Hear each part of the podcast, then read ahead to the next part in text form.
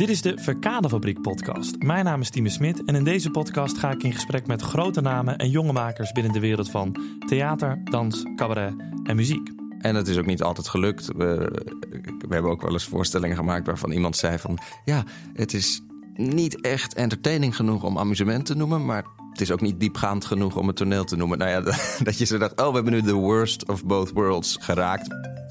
Ik praat vandaag met acteur, theatermaker, zanger en scenario-schrijver Jan Paul Buis. Jan Paul schrijf je met een streepje, want, en ik quote, dat hebben zijn ouders zo bedacht. Al sinds de oprichting in 2008 is hij betrokken bij makerscollectief Circus Treurdier, een muziektheatergezelschap.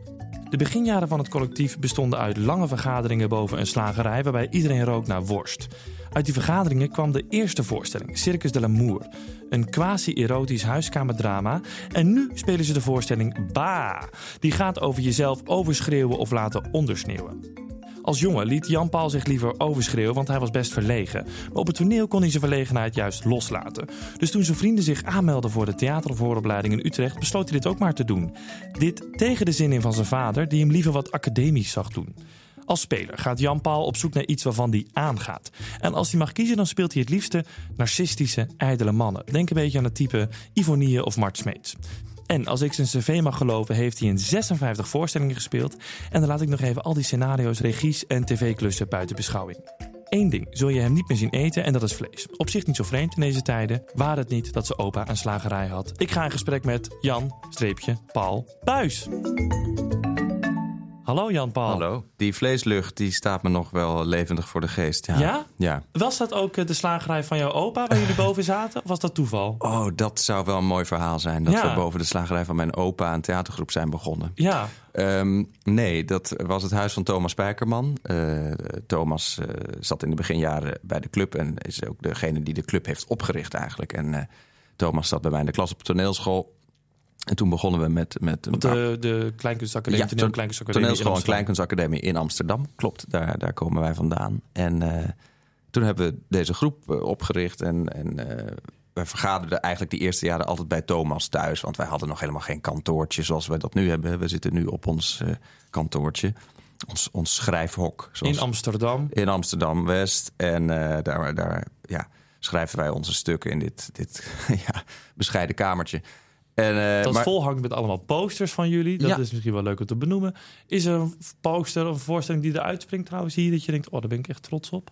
Oei, Wat ja. Treur TV, nou, Treur TV hangt hier natuurlijk. TV-serie, ja. ja. dat is voor ons natuurlijk een heel bijzonder project geweest... Uh, om, uh, ja, om onze verhalen en personages naar een televisieserie om te zetten. Een groot publiek ook te brengen, denk ik. Want jij ja, je hebt in één keer een theater pas maar een maximaal aantal mensen. Ja. En bij een tv kan iedereen aansluiten. Ja, exact. Dus dat heeft wel een boost gegeven aan ons, uh, aan onze publiek, aan ons publieksbereik. Dat was, uh, was erg leuk.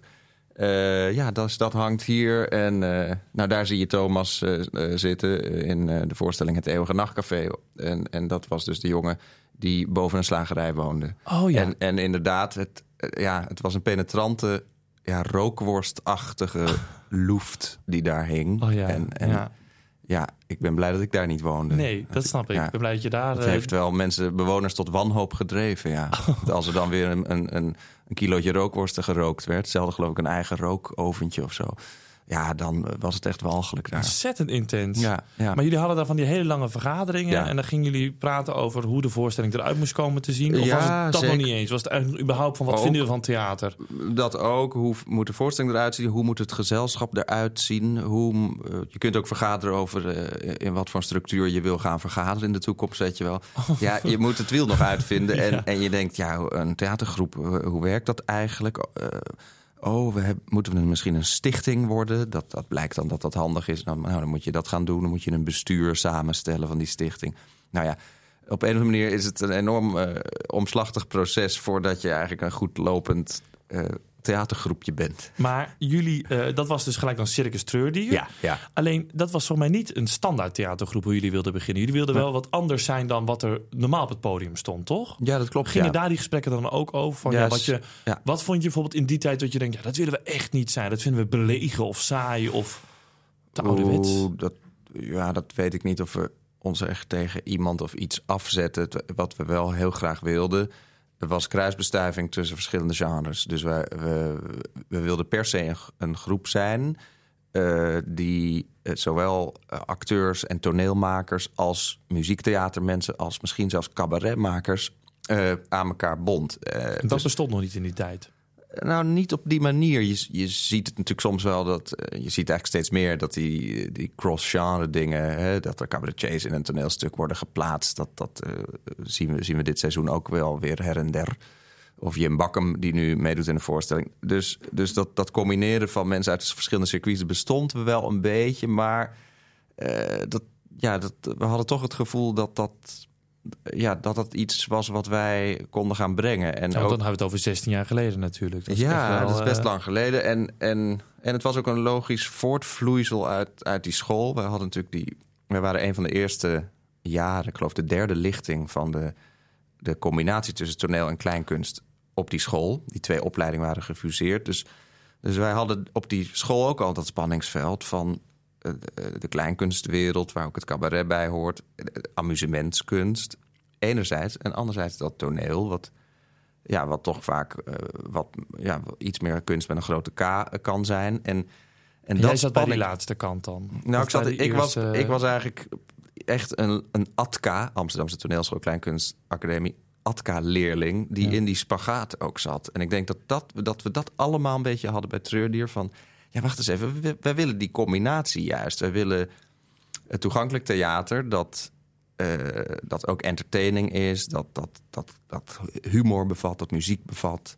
maar eh, dat niet oppervlakkig is. Het, het, eh, het moet ook diepgang hebben of het mag ook een filosofische laag hebben.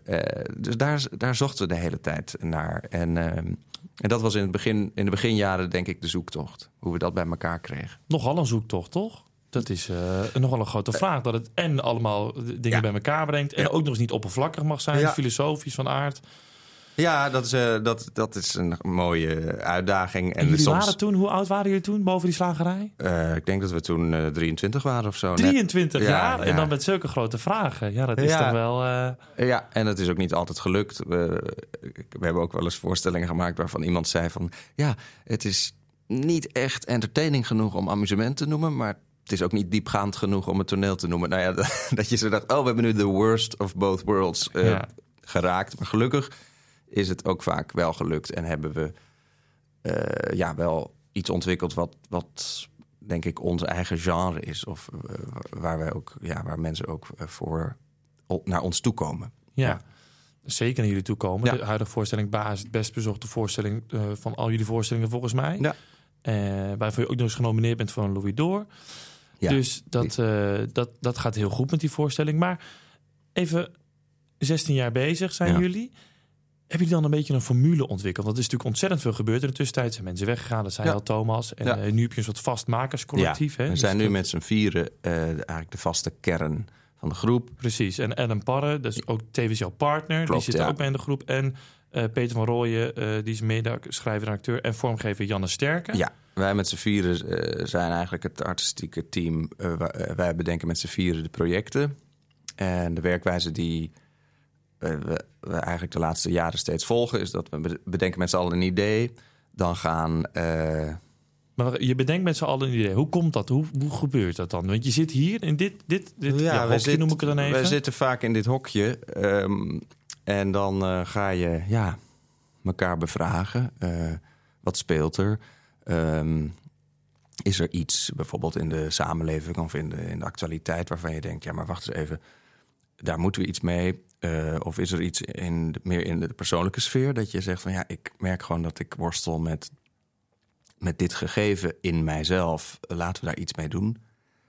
En dan op een gegeven moment drijft er iets boven, een thema of een onderwerp. En dan, eh, en dan ah ja, eh, dan voel je zo, wacht eens even, hier zit wel iets. Dit, Daarvan, waar, waar, we net, waar ik net voorlas in die intro, waarvan jij aangaat eigenlijk. Dan. Of eigenlijk jullie aangaan Ja. natuurlijk. Want dat is Ja. het punt. Je kunt wel met iets aankomen, maar als zij er niks bij voelen. ja, dan, dan strandt het. Dus je moet wel een soort met elkaar eh, de vonk voelen. En, en het ene project komt meer eh, uit de koker van Ellen... en het volgende meer uit mijn koker en dan weer uit Peter...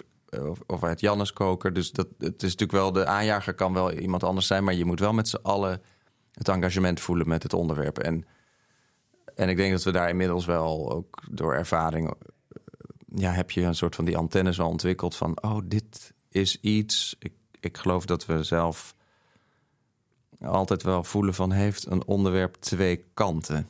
Dat is voor ons belangrijk. Als we deze voorstelling erbij pakken, Ja. Ba. Kun je even uitleggen, eh, eh, hoe leg jij, vertel je nou bijvoorbeeld aan je ouders bijvoorbeeld waar die voorstelling over gaat? Ja, Eh, ik zou zeggen, kijk, de voorstelling Ba gaat over een achtergrondfiguur. Het gaat over een bescheiden jongen. Hij zegt van zichzelf dat hij bescheiden is.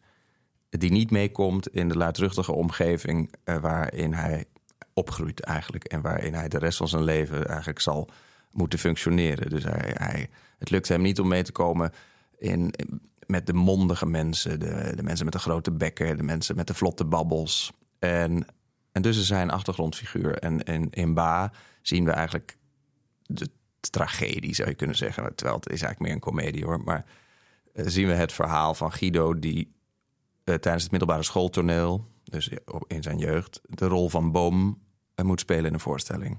Dus dat is, dat is eigenlijk het uitgangspunt. Hij is En jij bent Guido, hè? Ik speel Guido en ik speel dus een boom. En je kijkt dus als publiek, kijk je eigenlijk naar de achterkant van een theaterstuk. Dat gespeeld wordt op een middelbare school in een aula, zou je kunnen zeggen. En je, alleen je kijkt dus niet naar het voortoneel, maar je kijkt naar het achtertoneel. En daar staat helemaal achter op dat toneel staat een boom. En dat ben ik. En je kijkt mij dus in het gezicht en, en je bent eigenlijk getuige van de gedachten van die boom. Nou, dat is eigenlijk hoe de voorstelling begint. En dan tijdens de voorstelling ontspint zich eigenlijk het verhaal van hoe Guido in verschillende levensfases eh, omgaat. Ja, eigenlijk met zijn sociale positie als underdog. Ehm, dat, zo zou ik het verhaal uitleggen zeg maar, aan mijn ouders, omdat dan snap je het verhaal. Maar dat is natuurlijk niet hoe, hoe zo'n voorstelling begint. Nee. Je hebt niet meteen deze uitwerking te nee pakken. ook niet, die, die musical je er ook niet gelijk bij natuurlijk. Nee. Dus dat is allemaal, dat schooltoneel. Nee, dus, je, dus, dus het begint veel eh, thematischer en, en abstracter in die zin. En wie kwam er dan met dit idee van de schreeuwers en de... Ehm, de, de Ja, ik geloof dat, dat deze een beetje uit mijn koker kwam. En ik, ik had zo'n. Maar goed, dat, dat is heel moeilijk soms om te herleiden waar nou precies de ideeën vandaan komen. Hoor. Want dat gaat op een gegeven moment rond over zo'n tafel. Maar het, kwam voort uit de behoefte om iets te maken, inderdaad, over die luidruchtige wereld. Waarin je voelt van ja, de, de, de luidste stem die trekt toch vaak aan het, eh, het langste end, zeg maar. En, en het zijn toch eh, ja, vaak de lefgozers en de mensen die zich comfortabel voelen op de voorgrond. Die eh, uiteindelijk de dienst uitmaken. En dat, dat is zo op microniveau in een vriendengroep. Of in, je, of in je gezin, in je familie. Maar het is natuurlijk ook zo in de politiek. Ja. Of eh, En ben je zelf zo'n schreeuwert of een lefgozer? Nee, ik vind mezelf dus geen schreeuwert. En eh, ik denk dat ik eerder aan de andere kant van het spectrum zit. En dan kom je meteen... Aan de stille kant. De bescheiden kant? Wat is Precies, bescheiden, een heel bescheiden mens ben ik. en dan kom je, nou, je, je hoort al, als je dat zegt, klinkt het potsierlijk. Dan kom je eigenlijk meteen aan de andere kant van het thema. En dat is wat, wat voor ons dan zo'n onderwerp interessant maakt. Dat je denkt, ja, maar wacht even. Wat is dat eigenlijk bescheiden zijn? Eh, hoezo? Eh, als je van jezelf zegt dat je bescheiden bent, ben je dan eigenlijk niet ge- eigenlijk zo bewust van je zogenaamd nobele karakter? Is het niet eerder ijdelheid dan bescheidenheid? Ja. Eh, dus dan begint eigenlijk dat begrip ook een beetje open te breken. En dan krijg je dus die, twee die, die, twee, twee kanten jullie aan juist. zoek zijn. Ja. Bescheidenheid en de, Ja, en de en die, die, twee, die twee kampen van. eh, precies. Eh, dus die bescheidenheid krijgt een soort schaduwkant. En, en dan probeer je ook bij die, die andere kant, dus die dominante kracht. Die wordt gespeeld door Peter. Die speelt een soort bullebak van een, van een man. Een totale alfa macho figuur. Die, die daar bovenop de apenrots heel rustig zit. Daar ga je dan ook op zoek naar de nuances. Dat je zegt, ja, maar ja, hij, hij is wel degene die als iemand stikt in een sausijzenbroodje... die dan onmiddellijk in actie komt en de Heimlich-manoeuvre gaat en uitvoeren. welke rol speelt Ellen? Ellen speelt in deze voorstelling toevallig niet mee... maar zij heeft dan wel meegeschreven. Ja. Zij spelen de voorstelling met vijf spelers. Ehm, dus naast eh, Peter en ik hebben we Sophie Huppener. eh, die speelt ook een heel luidruchtige tante. En dan hebben we eh, Roos van Erkel. Die speelt, dat was oorspronkelijk Eefje Paddenburg, maar in deze reprise doet Roos van Erkel de rol van de vrouw op wie ik verliefd ben en die ik misschien wel nooit ga krijgen. Nee, want je dat niet durft te zeggen natuurlijk. Ja, precies. En dan hebben we nog Sam van Hulst. En eh, die speelt een behoorlijk kruiperige meeloper. En ook een erg irritant mens. Uh, nou, en dit, dit, dit, dit clubje van vijf is zeg maar het mini-samenlevingje Ja. wat we zien. Je eerste keer. Je schrok, hè? Ja, Ja. omdat ik ook aan seks moet denken, maar daar gaat het niet over. Nee, toch? dat is meer Nee. met de tweede die er eh, aan denkt. Ja. Maar ehm, het is, misschien moet ik dat toch maar erin gaan verwerken dan. Maar eh, het is nog steeds niet waar we het over hebben. Nee, het Ja. gaat over de eerste keer. Namelijk je eerste bezoek aan het theater of de bioscoop of een concert. En misschien was het wel die ene voorstelling waar je verplicht naartoe moest op de middelbare school. Maar die je hele denken deed kantelen. Dus Jan-Paul, wat, eh, aan jou de vraag. Ja, wat was jouw eerste theaterbezoek die je heel erg is bijgebleven? Of cultuurbezoek, moet ik het noemen? Ehm, ja, ik moet eh, denken aan het Werftheater in Utrecht. En dat is een heel klein theatertje in een van de wel werfkelders. Hè. Dus aan de Utrechtse grachten heb je werven. Dus dat is een soort ja, verlaagd niveau. Eh, en daar zijn kelders, vaak van de horeca. Ja, waar- veel mensen kennen van de cafés, denk ik. ja, dus soms wordt dat ook wel als horeca gebruikt. Maar soms, sommige restaurants die boven op de gracht zitten... die hebben daar beneden hun opslag of eh, hun, Bierfusten. bierfusten. Ja. Ja. nou. En die kleine, het zijn een beetje een soort grotachtige kelders. In een van die eh, ruimtes zit een theatertje, een klein cabarettheatertje. Het Werftheater. En daar ging ik, nou, ik denk eh, toen ik een jaar of veertien was of zo, 15, die jaren, ging ik met mijn vader eh, wel eens op vrijdagavond naar het Werftheater. En eh, ja, dat, dat staat mij nog wel bij. Ik, ik, ik heb daar verschillende dingen gezien, maar ik kan me, kan me herinneren dat we daar Johan Hogeboom hebben gezien. Dat is een liedschrijver, eh cabaretier, kleinkunstenaar, zeg maar, die, ja, leuke, grap, vaak grappige liedjes maakt. Dat, dat heeft bij mij wel iets soort van in gang gezet. Ehm, Johan heeft iets in gang gezet. ja hoor, ja, Ja? Johan, ja, ik ken hem eigenlijk niet. Ik heb hem wel eens gesproken, geloof ik, ergens bij. Maar je Heel zat kort. daar in, de, in dat zaaltje daar, in een soort kelderachtige Ja. omgeving met je vader. En je keek naar Johan en die zong dan liedjes, zelfgeschreven ja, liedjes. Ja, en, En wat trigger- triggerde jou toen dan? Ehm, de, de volstrekte, ja, eigenlijk magie, om maar eens een pretentieus woord te gebruiken, van dat iemand dus met een tekst en een melodietje en een paar akkoorden zo'n he- heel, hele zaal, was niet een enorme zaal, want er kunnen geloof ik maar 60 mensen in dat keldertje, maar eh, kon laten lachen, eh, totaal meenam in die liedjes. Dat, dat vond ik wel echt fascinerend. En dat, eh, en dat je zo ehm, aan de lippen hangt van iemand. Dus wat, dat vind ik sowieso heel leuk van het theater, is dat het, eh, het is een enorm. eh, je, het theater speelt zich heel erg in het moment af. Hè? Theater is natuurlijk een kunstvorm in de tijd. Het speelt zich af in de tijd, niet zoals een schilderij, dat hangt er gewoon. Maar dit, is, dit gaat van seconde naar seconde, van minuut naar minuut. En uiteindelijk duurt het anderhalf uur of twee uur en dan, dan, en dan is het weer klaar.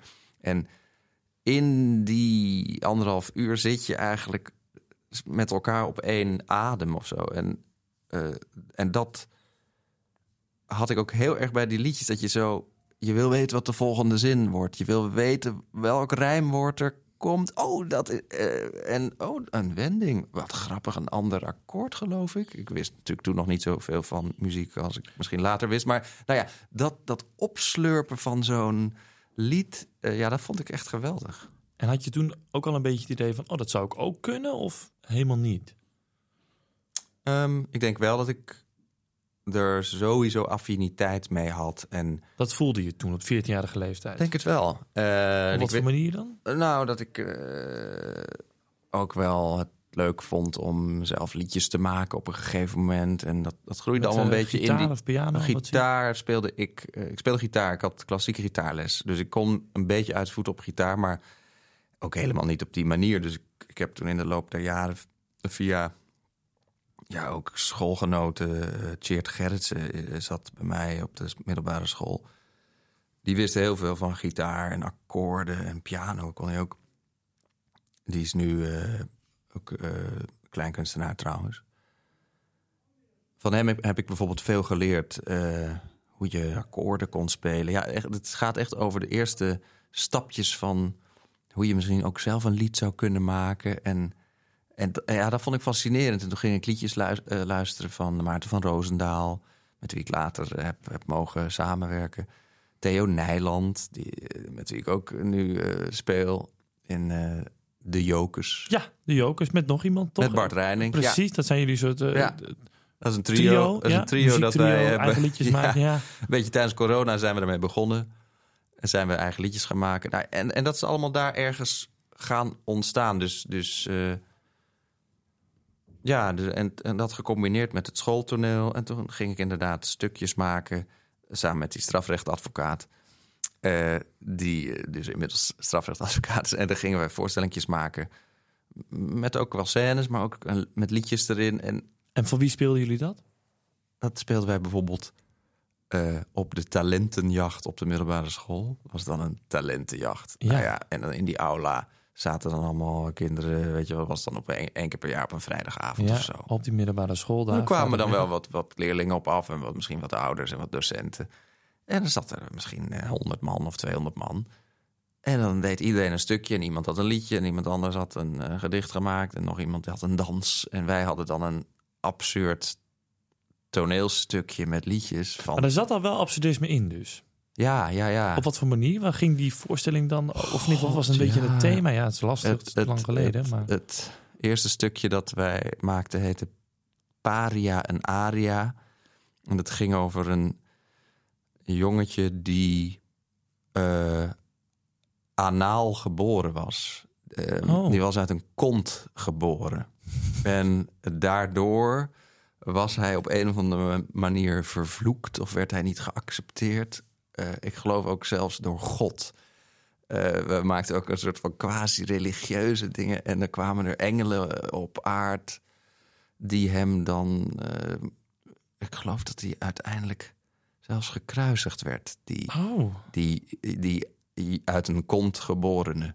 Nou ja... En dat was dat, paria of aria? Nee, de, dus het, stuk was een soort aria voor een paria. Dus oh ja. voor Nou ja, uh, kijk, het, het, zo, het zat allemaal niet heel erg goed in elkaar, denk ik, als je terug zou lezen. Maar het, het, het ja, het had de typische humor van, van 15, 16-jarigen Ja. die dan uh, iets raars gaan maken. En dan, uh, ja. Maar dat iets raars maken, dat is Ja. natuurlijk ook een beetje wat Circus die soms ook wel een beetje Ja, doet ja, met die absurdistische kant die we opzoeken. zeker. Kijk, weinig gaat niet meer denk ik over anaal, eh, dat soort dingen. Maar Nee, er anaal geboren worden. Dat, dat niet. Er komt nog eh, af en toe wel eens een kont langs, denk ik, in ons oeuvre. Maar eh, nee, ja, inderdaad, iets raars maken zit ook zeker nog steeds in ons DNA. Hoe bevrijdend is het dan om mensen tegen te komen die dat ook hebben? Ja, Die ook zo willen maken en zo willen schrijven? Dat is geweldig. En ik ben heel blij dat ik dat heb. Hè? Dus dat, eh, ja, dat wij met elkaar op diezelfde snaar zitten, eh, dat, is iets, dat is iets geweldigs. En eh, dat is ook iets dat je echt moet koesteren. Is mij ook verteld. Door wie? Marlies Heuyer is een geweldige toneelspeler. En Marlies, ik heb met Marlies gespeeld, een aantal voorstellingen. En zij is een beetje mijn toneelmentor geworden in, in, in het begin van mijn carrière. En nog steeds eh, heb ik veel contact met haar. En Marlies Heuyer. ja, dat is een geweldige speler. En eh, van oorsprong een meme, meme-speelster. En, eh, maar, maar uitgegroeid tot een allround actrice, theatermaker. En, en ik, eh, ja, ik had haar en heb haar heel hoog zitten. En zij zei een keer tegen mij terloops. En in een bijzin van... als er mensen zijn met wie je een klik hebt...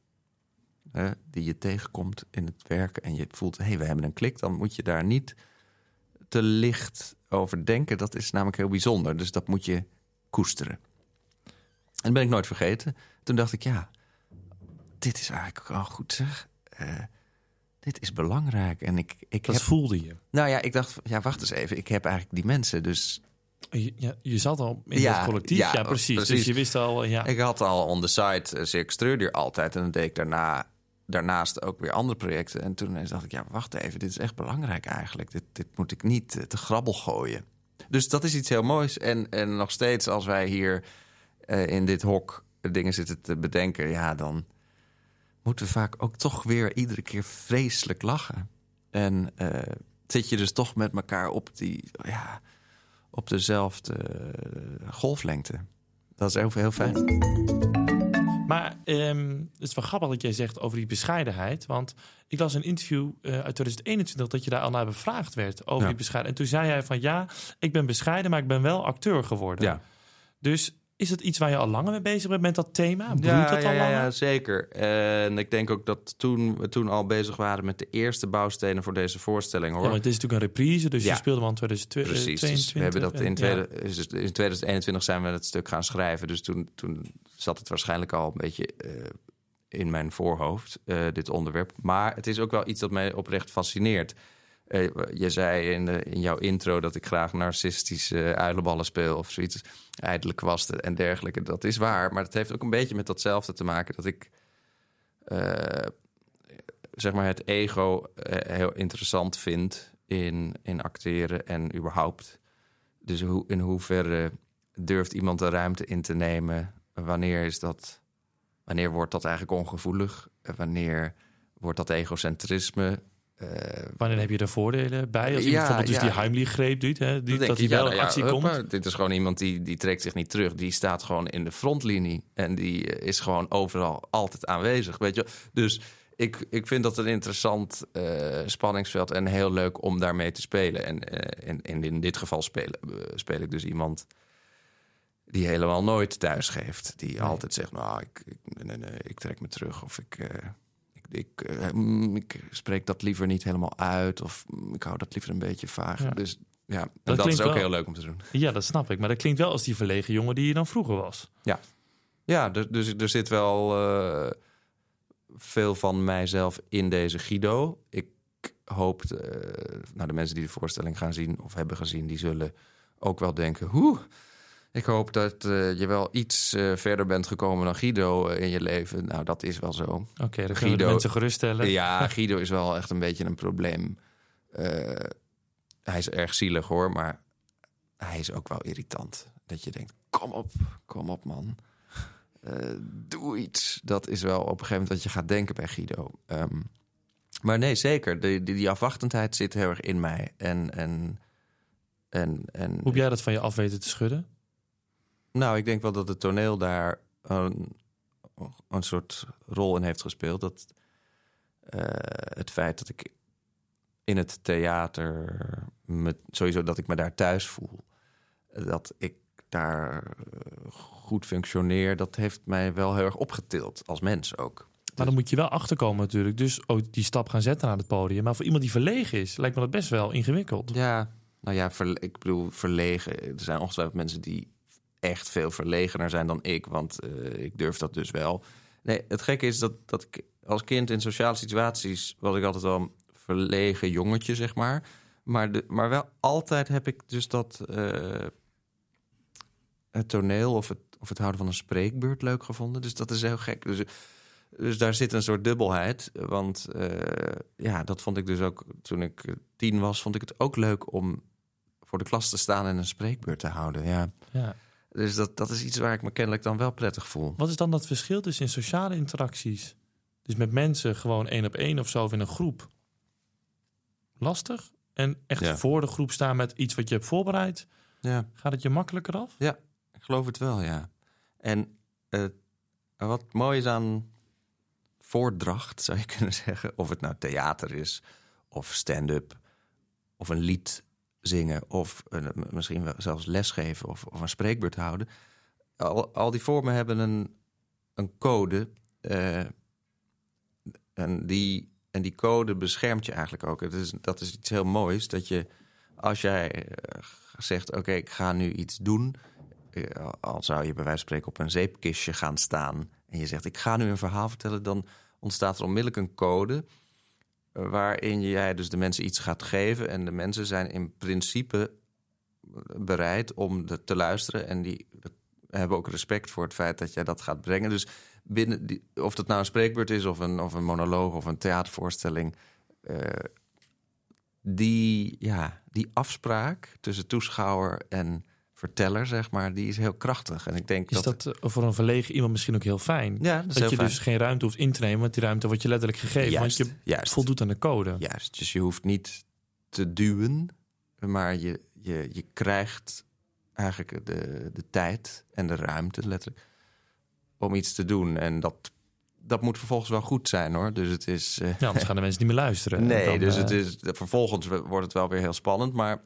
Ja, binnen die spanning, eh, goed, eh, is, het ook, is het ook leuk. Het is ook, ook een leuk soort spanning. Ik, ik denk dat dat, dat dat het is. Dat, eh, dat, dat die code, dat ik daar goed in gedij. Binnen die kaders van Ja, het podium Ja, ja, durf jij je uit te spreken. ik denk het, ja. Ja, Laten we het daarop houden. Ja, ja. maar dat ging dus niet zonder slag of stoot. Want je vader was er niet ontzettend blij mee. En je deed het ook goed op school. Kijk, mijn vader was helemaal niet een soort heel heftig anti of zo. Ik had gymnasium gedaan. Nou, eh tu, tu, tu, dat is hartstikke mooi natuurlijk. Eh, nou, dan ga je natuurlijk nu wel eh, een of andere studie doen. En dus dat ik vervolgens afzwaaide naar eh, het kunstonderwijs, dat was wel een beetje vreemd. Dus, dus daarin eh, was het niet vanzelfsprekend en was er wel degelijk een soort hobbeltje dat, dat, dat ik moest nemen. Omdat ik ook dacht van, ja, kan dit? Oh, wat, wat, wat vindt mijn vader daarvan? Dat vond ik dus wel spannend. Eh, wat vinden anderen daarvan? Is dit, wil ik dit echt? Nou ja, ik was daar eigenlijk best wel eh, zoekend en onzeker in. Maar ik werd dus geïnspireerd door een aantal vrienden in mijn omgeving... die, die, die wel duidelijker die ambitie hadden. En die zeiden van, nou, probeer het nou maar. Spelen zij nog, die vrienden? Ehm, de ene is regisseur, Olivier Diepenhorst. En die timmert heel goed aan de weg. Denk Die eh, is nu een eh, Macbeth aan het maken Kijk. bij eh, Suburbia. dus dat is. eh, nee, die, die maakt hele mooie dingen. Die andere is eh, strafrechtadvocaat geworden. Kijk eens aan. Maar die heeft wel een paar jaar nog bij Trudy gespeeld in het begin. Ja? Maar op een gegeven moment zei hij: Het is mooi geweest. Ik ga, Wat nu, grappig. ik ga nu rechten studeren. Ja. Oh joh. Ja. Dus er is gewoon een strafrechtadvocaat in Nederland... die heeft bij Circus Dreury gespeeld. Zeker, ja. ja. Oh, dat is wel Maar leuk, Ik weet niet of zijn cliënten dat weten. Nee, dat... dat nou, misschien hangt er een positje in de hoek van het Ja, het kantoor, zou dat weet ik niet. Ja, ja, ja. Grappig. Maar ja. is, is het niet gek om te beseffen... dat als je die vrienden niet had gehad... dat je misschien nooit die kant was opgegaan? Eh, ja.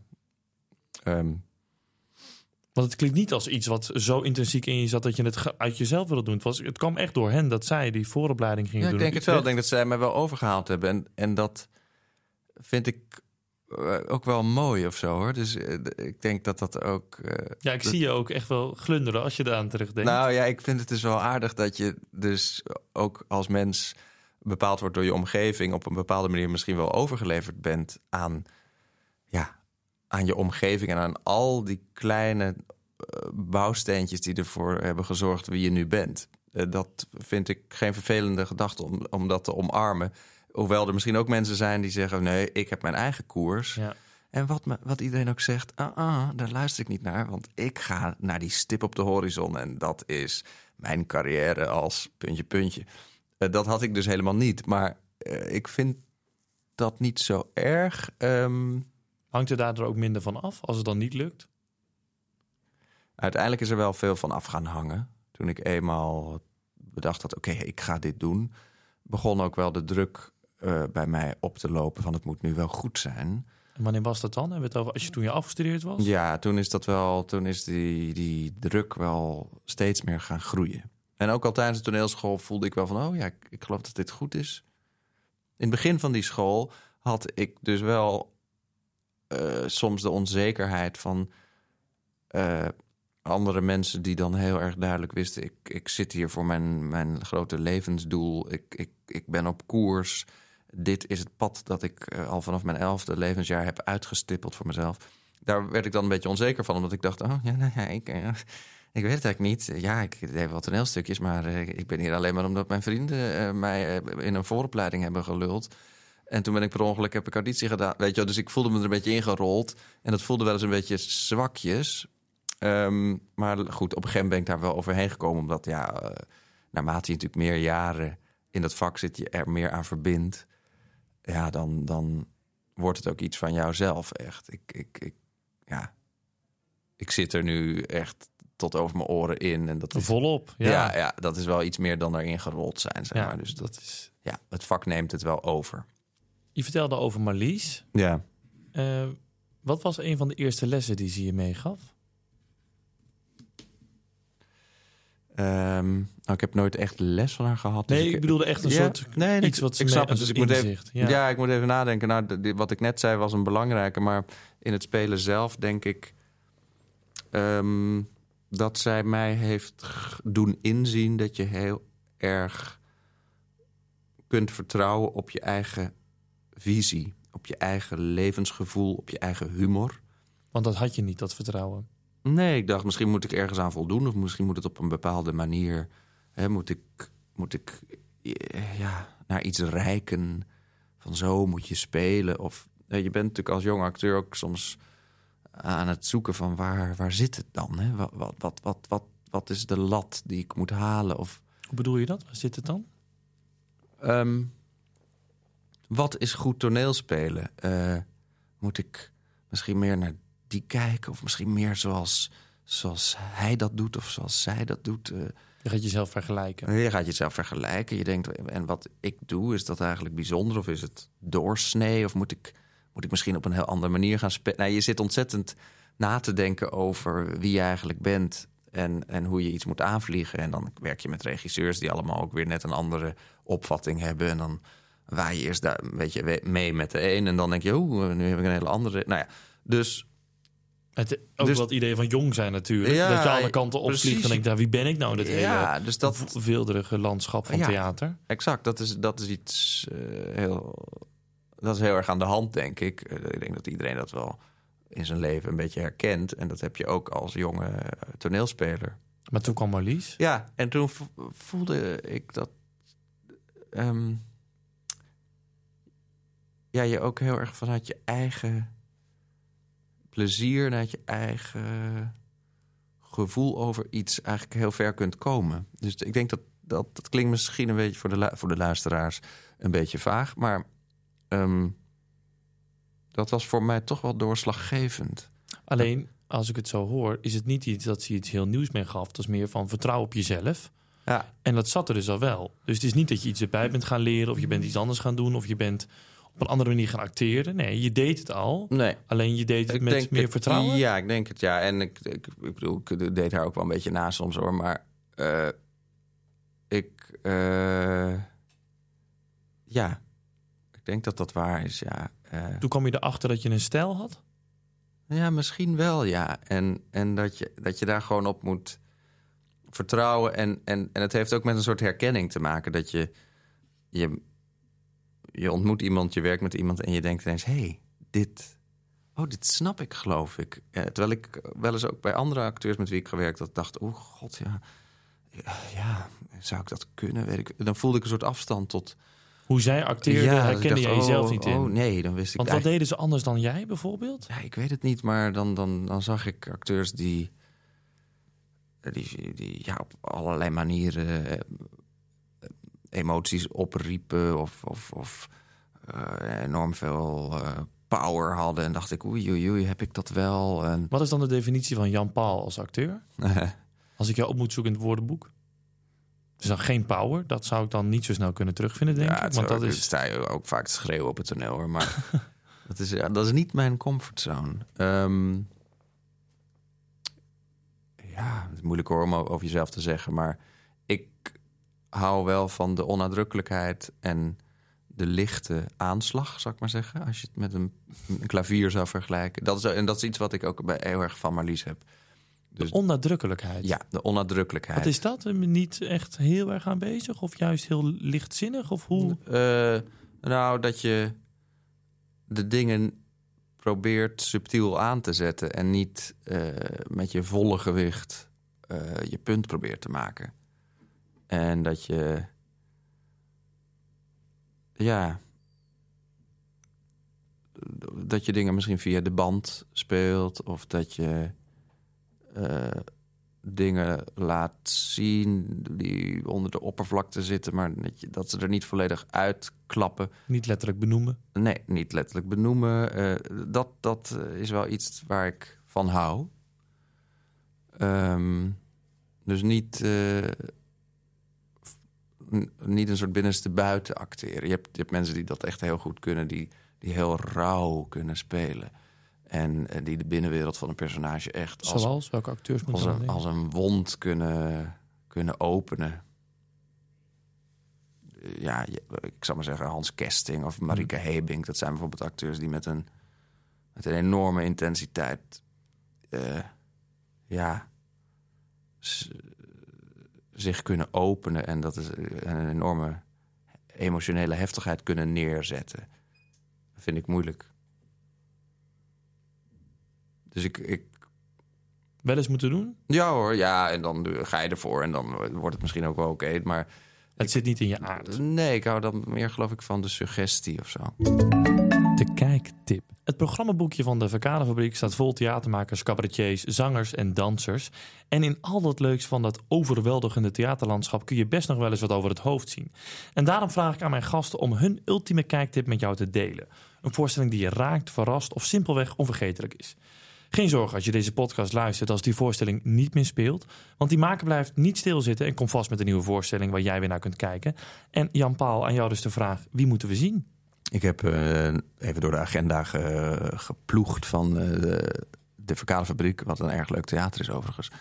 En ik zag daar eh, een andere, of ik zag een jonge groep, nog wel een generatie jonger dan, dan wij inmiddels zijn, Collectief het Paradijs. En ik heb deze laatste voorstelling van hen niet gezien. Ik heb ze wel gezien toen ze net afgestudeerd waren. En, ja, ik vind dat een geweldige groep. Het is, het is eigenlijk een groep meme-spelers. Het is echt bewegingstheater. Dus in die zin staat het ook best wel ver af van wat wij doen. Want wij zijn best wel talig. En we kletsen echt een eind weg in onze voorstellingen. En zij eh, bewegen. Hard Cut Paradise. Dat is de voorstelling die collectief het Paradijs speelt. En dat is een fysieke beeldenstorm. Een aaneenschakeling van controversiële gedachten, troostende beelden en een absurde verbeelding van de menselijke geschiedenis. Waarin collectief het Paradijs zich afvraagt wat nu eigenlijk beschaafd is. En dat kun je bekijken in de Verkaderfabriek op donderdag 4 april of elders in het land. En ik heb zelf ook nog twee tips. Dat zijn de Pussy Boys, die spelen Perek. En de Pussy Boys vinden dat de wereld wel wat meer poëzie kan gebruiken... en pleiten voor uitverkochte, dampende zalen voor de dichtkunst. Pleit jij er ook voor, Jan-Paul? Ja, zeker. Eh, nee, poëzie is geweldig. Ja, Eh, nou... En in hoe meer, hoe beter. Maar precies, nou ja, goed, dan moet je er zeker heen gaan. Want in hun nieuwste voorstelling nodigen ze je van harte uit in een wereld vol regels, puzzels, spelletjes en valluiken. Perek is een ode aan het werk en het leven van de Parijse taaltovenaar en kattenliefhebber Georges Perec. En het is dus extra tof omdat ze theatervormen op onderzoeken die een vertragende werking hebben. En je bewust te maken van de normale dingen om je heen. En eh, ook nog eens heel leuk, ze komen later terug in deze podcast. Dus ik ga ze nog eens interviewen. Ja. En je kunt ze bekijken in de Verkaderfabriek op woensdag 17 en donderdag 18 april. En dan heb ik nog een andere voorstelling, ook heel leuk om te benoemen. Dat is het Wim Sonneveld Complex. En die wordt gespeeld door twee jonge mannen, Tariq Moret en Tim Olivier Zomer. En deze twee mannen die strijden om elkaar te overtroeven. Allebei willen ze namelijk de beste vertolking geven van de cabaretier Wim Sonneveld. Het is een heuse strijd met feitenkennis, conferences en liedjes. En het is dus extra bijzonder dat deze twee jonge makers een voorstelling maken over iemand die nou ja, al een tijdje overleden is. Maar goed, ze adoreren hem en ze willen hem allebei zijn en denken allebei dit beter te kunnen. Te zien op vrijdag 17 mei in de Verkadefabriek. En anders ergens anders in het land. Wat is er zo lekker aan het spelen van een type als Ivonie of Mart Smeets? Die narcistische, ijdele mannen. Want je, je, je bent in alles dat niet, dus kom je op mij over. Als in, je bent er ook mee bezig met ego en wat doe ik te veel en wat niet. En, en, en o- in je eigen vorm zoeken als acteur. En die mannen die trekken jou het meest aan. Is het omdat je dat nooit kunt zijn of wel wilt zijn? Eh, ja, er zit denk ik wel een kern van waarheid in dat laatste. Eh, eh, even voor de duidelijkheid, ik heb nooit letterlijk Mart Smeets of Ivonie eh, gespeeld. Ehm, Je hebt ze voor mij aangehaald in een interview als ja, een ik heb ze wel eens. Ik, ze kwamen natuurlijk wel eens langs in een interview. Nu komen natuurlijk steeds die namen terug van Mart en Ivo. Dus Ja, Mart is nu ook in het nieuws natuurlijk. ja, zijn, hij is eh, natuurlijk weer in het nieuws. ja. Kijk, ik ken de, de heren niet. En eh, Mart, als je luistert, Ivo, als je luistert naar de podcast... Ik, ik heb op zich niks tegen jullie persoonlijk. Maar Het zijn archetypes, toch? jullie zijn wel inspirerend voor me. Dat is het enige wat ik ze zou willen zeggen. Ehm, nee, ik ken ze niet en ik heb ze dus ook nooit echt zelf gespeeld. Maar inderdaad, ik heb in Treur TV een personage gespeeld, Frederik Kaak. Eh, en Frederik Kaak, hij hangt hier geloof ik ook ergens. Oh, daar heb je hem in de hoek. Ja. Eh, Frederik Kaak is een eh, archetype van een televisiepresentator. die ja, inderdaad buitengewoon ijdel is, zeer narcistisch is. En zichzelf heel graag hoort praten. En, nou ja, en dat, die man, dat is een soort eh, ja, alter ego van mij geworden in die tijd dat we die, eh, TV eh, maakten. Daarvoor hadden we ook een voorstelling met dit figuur. Dus dat is inderdaad een personage dat een beetje ja, onder mijn huid is gaan zitten. Een ijdele uilenbal. Ehm, ja, dat is erg Wat, leuk. waar- waarom kun je er zo van genieten om zo iemand te spelen? Ja, het, het is op een of andere manier vind ik het gewoon heel geestig als iemand eh, niet de, de gevoeligheid heeft voor zijn eigen arrogantie of zo.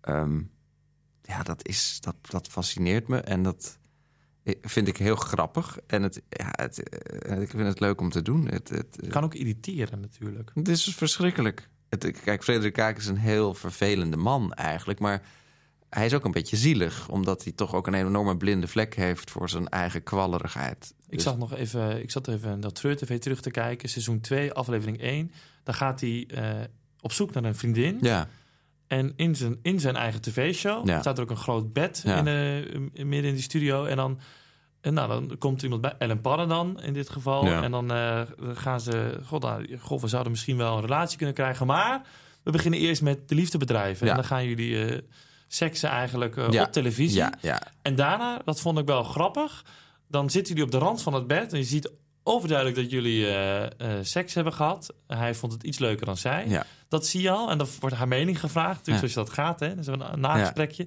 En dan wordt haar stem zo van gedubt. Dus Ja. dan praat zij ja. en ondertussen gaat er een andere stem, dat hoor je heel duidelijk, er overheen. Dit is Skaak in Love. Het programma waarin ik mij overgeef aan de mannenmolen van de liefde... en verliefd probeer te worden op een leuke meid. En vanavond is dat... Annelinde! Annelinde, wij gaan elkaar beter leren kennen. Misschien klikt het, misschien niet. Maar eerst gaan we met elkaar naar bed. Dames en heren, welkom terug. Wij zijn klaar. We zijn fris gedoucht. Of althans, Annelinde wilde even douchen. Ik douche na de uitzending. Ja, Annelinde, zeg jij eens wat. Tering, wat moet ik zeggen? Ik heb zo bizar lekker gevreden. Wauw zeg, wat was dat fijn. Kaak was enorm teder, maar ook gewoon een beest. Ik heb er veel vragen over, maar ook van hoe komt dat voort, uit wat voor een brein en wat wil je ermee vertellen? Misschien is dat nog lastig, maar Eh, ook, nee, ja, nee, nee. Kijk, het is natuurlijk een kritiek op hoe eh, televisieprogramma's natuurlijk ook eh, mensen in feite soms uitbuiten of persoonlijk leed eigenlijk uitventen voor. eh, voorbeelden te over. Helbermans Klusser bijvoorbeeld. Oh, ja. precies. En, je, en die, die mensen doen eraan mee. En je denkt, ah, jeetje. En, en eigenlijk denk je, dit is verschrikkelijk. Die mensen, eh, hun leed wordt hier omgezet in, in een kijkcijferhit. Eh, snap je, daar, daar kun je best wel een soort kritiek op hebben. En, en ik denk dat eh, al die liefdesconcepten die we hebben... eh, al die liefdesprogramma's, eh, of het nou Temptation Island is... of eh, weet ik veel... eh, nou ja, daar is het natuurlijk ook een parodie op. En, en kijk, de, mensen, de, de kijker wil natuurlijk seks zien. Dat is waarom al die programma's werken. Omdat je toch denkt, oeh. Eh, dus, en Frederik Kaak, die is zo schaamteloos dat hij dat gewoon in zijn format heeft. Dus die gaat gewoon meteen met die kandidaten naar bed. Dus dat is gewoon een, ja goed, snap je, dat is een, een, een, satire, een, een parodie op dat soort programma's. En inderdaad, wat dan die wending is, is natuurlijk dat hij ook ja, wel degelijk grensoverschrijdend is. En dat die kandidaten dus eigenlijk toch niet helemaal met consent in dat bed belanden. Dus daar, daar zit dan ook... Want ze gaat wel vrolijk het bed in in het begin. Ja, want dat is natuurlijk de naïviteit van mensen die meedoen aan shows. Dus daar zit ook een soort, eh, daar zit ook een beetje een parodie op. Dus, dus zij, dus ja, die kandidaten die in hun naïviteit storten die zich in het avontuur van dit liefdesprogramma. eh, en hebben zich misschien niet helemaal gerealiseerd dat ze dan meteen inderdaad uit de kleren moeten. En dat er dan ook eh, een vrijpartij volgt. En, en omdat natuurlijk Frederik Kaak een groot ego heeft, moet, dat natuurlijk, moet die, die seks natuurlijk ook fantastisch zijn. Ik, ik moet nu denken aan Silvio Berlusconi. Die ken ik, heb ik ook nooit persoonlijk gekend. Hij is dood trouwens. Eh, Die, eh, eh, De oude premier van Italië. Juist, en die was, die had ook zo'n macho-imago. Was trouwens ook een televisieman. Hè? Ja, hij was een mediamagnaat, Ja. toch? Maar die televisiezenders. Ja. En het was een soort, ja... En het was ook zo'n figuur, jongen, jongen, jongen. En, en nou, volgens mij verschrikkelijk voor het land geweest. Maar eh, die man had ook eh, heel erg een, echt een Italiaans macho-imago... van dat hij toch ook heel goed was in bed. Dus dan kwamen er verhalen en dan dacht, dacht je, dit is gespind door hem... van minnaressen die dan hadden gezegd... dan was hij al 78 of zo, van het is ongelooflijk. Hij eh, had een stamina, hij ging maar door. hij was een stier en dan dampend... eh, sprong hij onder een koude douche en dan ging hij weer over me heen. Hij hield maar niet op. Zes keer, zeven keer, acht keer, negen keer in één nacht. Het is ongelooflijk. Nou ja, dus echt een soort propagandapraatje over een president. Maar dan eh, puur over een soort extreme viriliteit. Nou ja, dat vond ik vrij geestig. En dat heb ik een beetje daarin, hebben we een beetje in dat fragment verwerkt. Dus dat meisje is heel ongelukkig en, en voelt zich aangerand. Eh, alleen, zij wordt dan gedubt door een stem die zegt... het was geweldig. Ja. Frederik was echt als een beest. Hè? Nou ja, dus oh, daar is- kwam dat alweer een beetje vandaan. ja, ja, ja, Dus nou ja, zo ontstaat dan zo'n zo'n sketch. Zou je hem wel weer eens willen spelen? Ja, ja, we hebben wel eens gezegd... moeten we niet nog eens eh, iets met Frederik Kaak doen? Moeten, moeten we misschien nog eens een film maken of zo?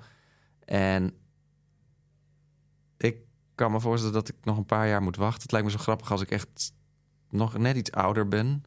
Dan kom je ook echt in die leeftijd van waarop dit soort mannen echt op Ja. hun top zijn, weet je wel. Je moet eigenlijk toch al de 50 gepasseerd, gepasseerd zijn.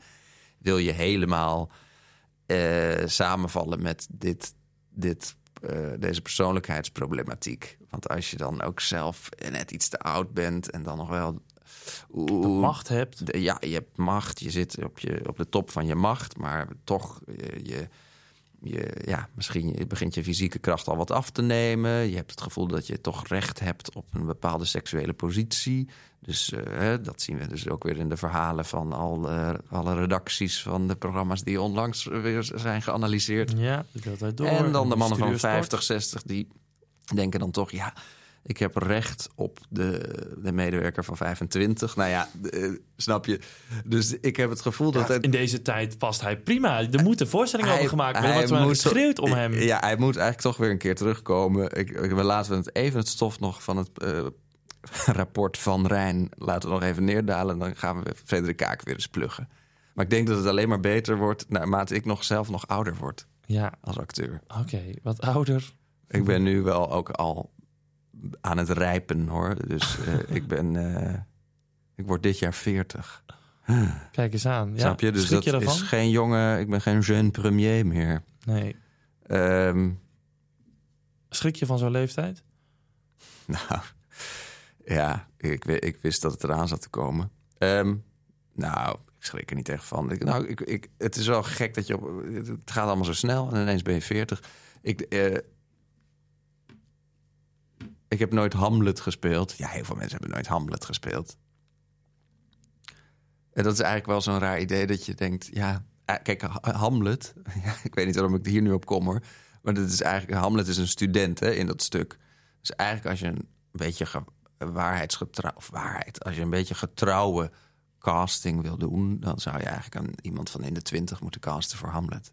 Dus dat kun je nooit meer worden. Kan ik niet meer. Maar in de theatergeschiedenis zijn het vaak toch oude lullen van 46 die Oh. dan Hamlet gaan spelen. hoor. Oké, dus dus don't wat dat worry. betreft... Ja. Maar eh, daar moest ik even aan denken. Nee, dus ja, ik ben niet Is meer dat- ja, is de dat dan jonge vogel. Is ja. dat dan zo'n gedachte, maakt het dan zo praktisch? Dat je denkt, oh ja, dat kan ik eigenlijk niet meer doen.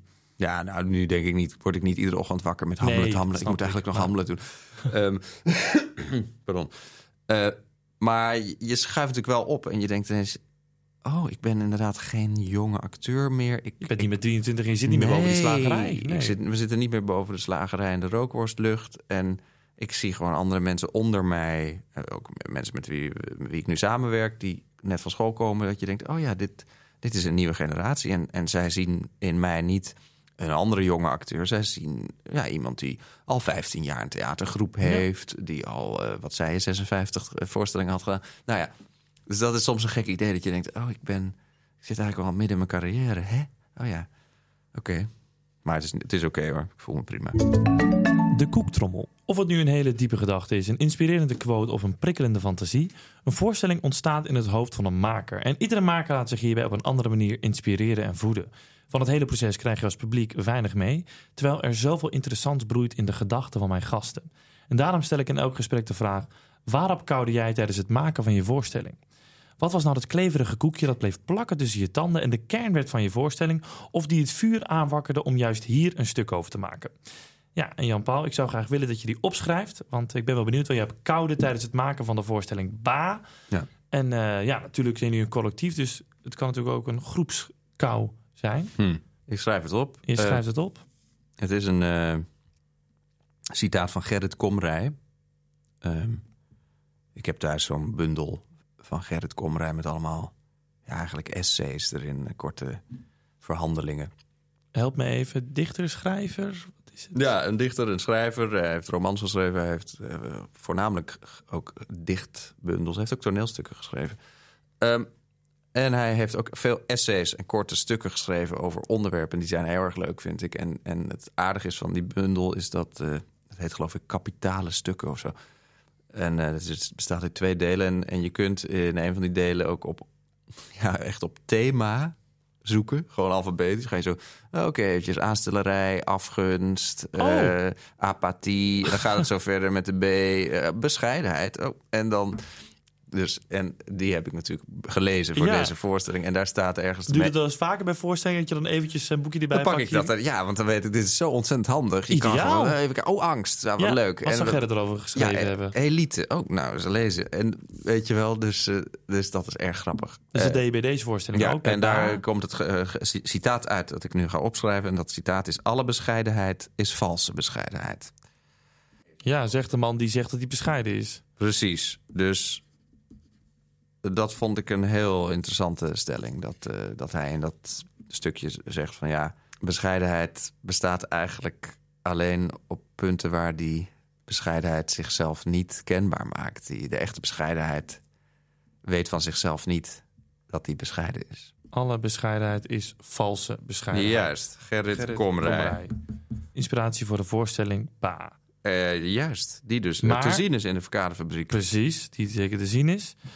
Op 12 en 13 april. Zo. Nou, ik wilde het net gaan zeggen. Op 12 en 13 april. Hartstikke goed. Maar wel mee eens is met Gerrit? Ja, ik vind het wel een scherpe observatie, ja. Dat er zit een soort probleem in bescheidenheid. Eh, Dat het, dat het heel snel een pose wordt... of eigenlijk een soort verkapte, ijdele, eh kokette houding. Van nee, ik... Weet je wat Nederlanders misschien ook vaker kunnen doen, toch? Beetje nuchter doen. Van, Ja, oh, nee, ja, ik ben, nee, nee, nee. ik, eh, oh, ik ben gewoon hoor. En dat je denkt, ja, maar wacht even. Hoezo? Eh, en waarom laat je dat dan wel weten dat je, dat je dat bent of zo, weet je wel? En je hebt de voorstelling nu al heel wat keren gespeeld. Vorig jaar. En nu ga je hem weer eh, spelen. Ja. Wat heb je ervan geleerd zelf? Ben je minder bescheiden geworden? of ben je echter bescheiden geworden? Ehm, nou, dat weet ik, ik weet niet of, of, of ik er echt wezenlijk door ben veranderd. Dat mijn karakter dus eh, zich heeft eh, gevormd naar de voorstelling. Mm, ik denk wel dat, nou, door erover na te denken, heb, heb, hebben we, denk ik, wel geleerd dat het soms ook nodig is om voor iets op te komen en eh, je wel uit te spreken. Dat je niet alleen maar wegkomt met terugtrekkend gedrag. Dat, dat, dat, is, dat is wel een les. Terwijl eh, aan de andere kant blijft natuurlijk ook staan dat de zachte krachten van eh, de wereld wel eh, de ruimte mo- moeten krijgen. En dat als, als je over iedereen heen walst, als je al, snap je dat, dat is ook absoluut geen optie. Dus uiteraard zit er ook een kritiek in tegen luidruchtigheid. Maar af en toe is het handig en goed Ja. om soms even Want laten je kunt je niet zijn. helemaal verschuilen in je bescheiden rol, zeg maar. Dankjewel voor het gesprek. Graag gedaan. Dit was mijn gesprek met Jan Paul Buis voor de Verkadefabriek podcast. Mijn naam is Tine Smit en de productie wordt gedaan door Fleur Bardoel en de vormgeving is van de hand van Bella Donna Nag.